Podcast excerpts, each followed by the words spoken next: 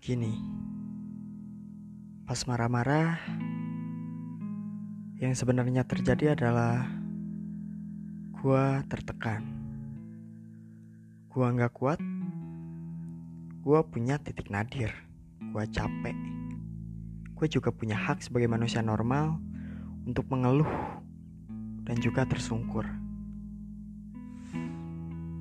Keadaan yang mengharuskan gue untuk tegak, tetap kuat, tetap ngelawan, dan ngomong, gue pasti bisa ngelewatinnya. Tapi harus ingat, hidup itu gak melulu soal siapa yang paling kuat. Kadang kita lupa bahwa pemenang adalah mereka yang gak malu ngeliatin kelemahan dan menyuguhkan kekurangannya. Tapi inilah hidup. Yang dilihat adalah mereka yang mengangkat kepala, yang justru terlihat arogan. Begitulah kalau kita ngomongin hidup atau kehidupan. Gak akan ada habisnya.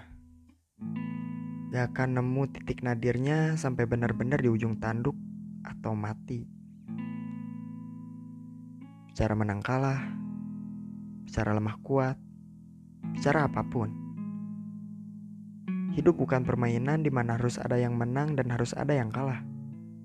Padahal begini, persepsi hidup adalah silih merangkul untuk tetap akur, silih membahu untuk saling bantu.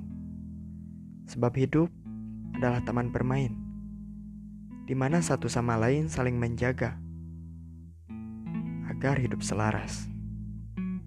Bukan begitu?